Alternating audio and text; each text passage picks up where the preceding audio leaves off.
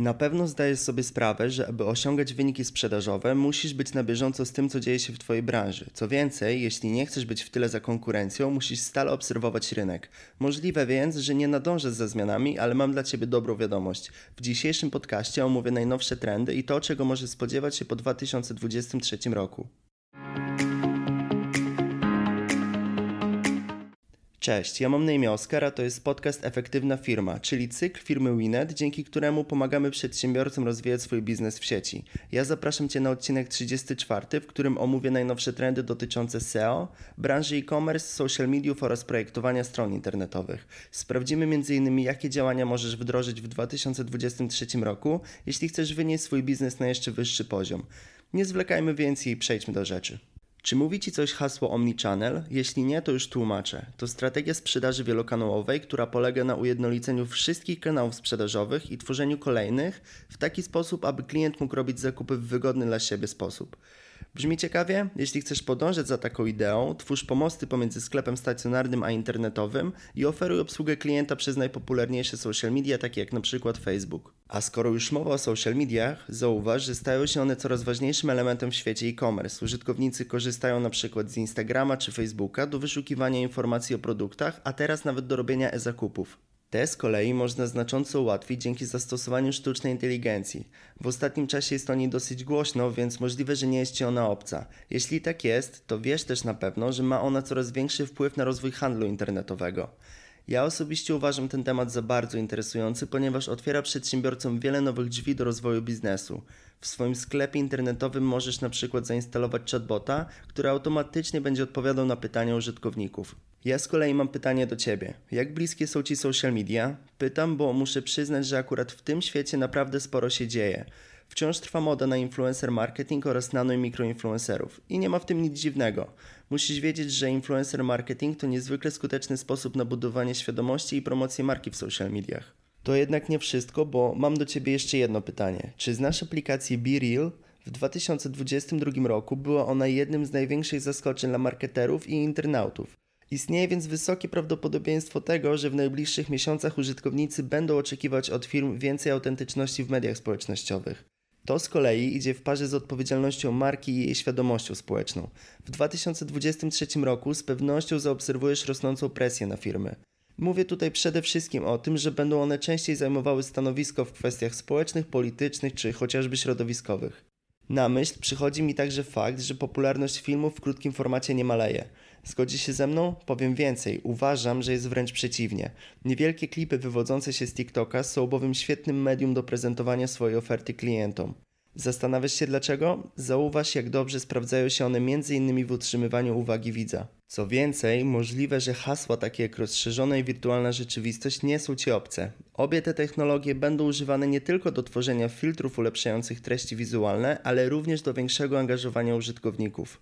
Jeśli chodzi o social media, to już wszystko, więc porozmawiajmy teraz o SEO. Według najświeższego raportu Gemius Polska smartfony zyskują na popularności i częściej wybieramy właśnie je zamiast laptopów. Też tak masz?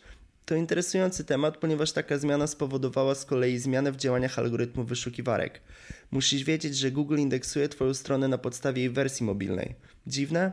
Trochę tak, ponieważ do niedawna robiła to na podstawie wersji komputerowej. Jeśli więc tworzysz lub aktualizujesz swoją witrynę, koniecznie zadbaj o to, aby była dopasowana do różnego rodzaju urządzeń, a jej wersja mobilna była estetyczna i funkcjonalna. Co warto wiedzieć oprócz tego? W 2023 roku jeszcze mocniej niż wcześniej skupię się na tworzeniu treści branżowych skierowanych do Twojej grupy docelowej.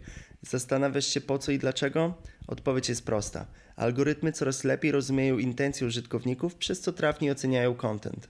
Zostając jeszcze przy temacie SEO, koniecznie muszę wspomnieć o aktualizacji Core Web Vitals. Od 2021 roku Google faworyzuje strony internetowe, które są po prostu szybkie. Zadbaj więc, aby właśnie taka była Twoja witryna.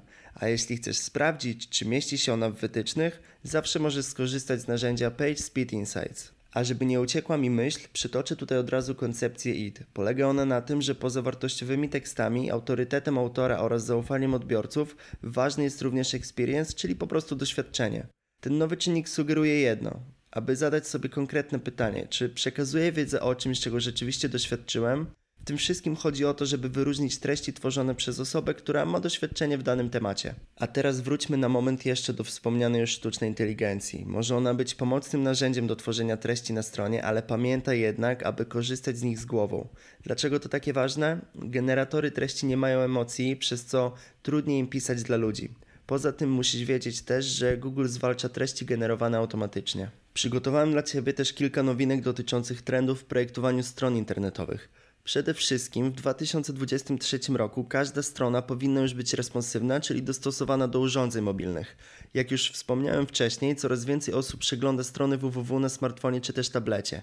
Na pewno zgodzi się ze mną, że widać to na pierwszy rzut oka. To, o czym jeszcze warto wspomnieć, to to, że na znaczeniu zyskuje także lekkość strony internetowej. W skrócie, powinno ona szybko się ładować, a jeśli chcesz to osiągnąć, to nie ma nic prostszego. Wystarczy, że zoptymalizujesz umieszczone na niej elementy graficzne. Co z kolei trenduje pod kątem samej estetyki witryn? W ostatnim czasie zauważyłem na przykład, że coraz więcej osób decyduje się na minimalistyczny design, stawiając na to, żeby witryna była przyjemna i łatwa w nawigacji.